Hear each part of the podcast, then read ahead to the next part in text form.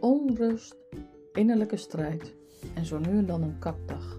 Gevecht tegen de bierkaai. Moedeloos, verward, onzeker. Goedemorgen allemaal.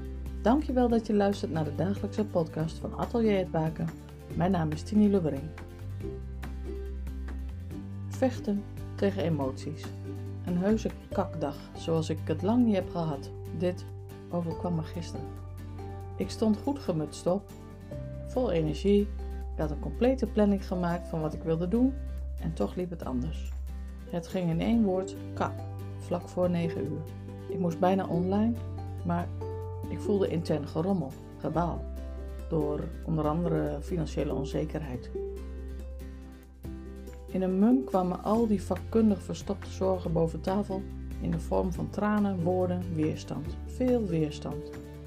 Niks geen wandelingetje, niks geen online meetings, niks. Niks anders dan de dag zwelgen in zwaarte, leed, verdriet, onzekerheid. De hele dag met mijn kop onder de dekens en niet tevoorschijn komen. Dat is wat ik wilde. En niet deed. Dit duurde niet lang. Ik weet dat dit me al tijden dwars zat en dat dit er ooit uit moest.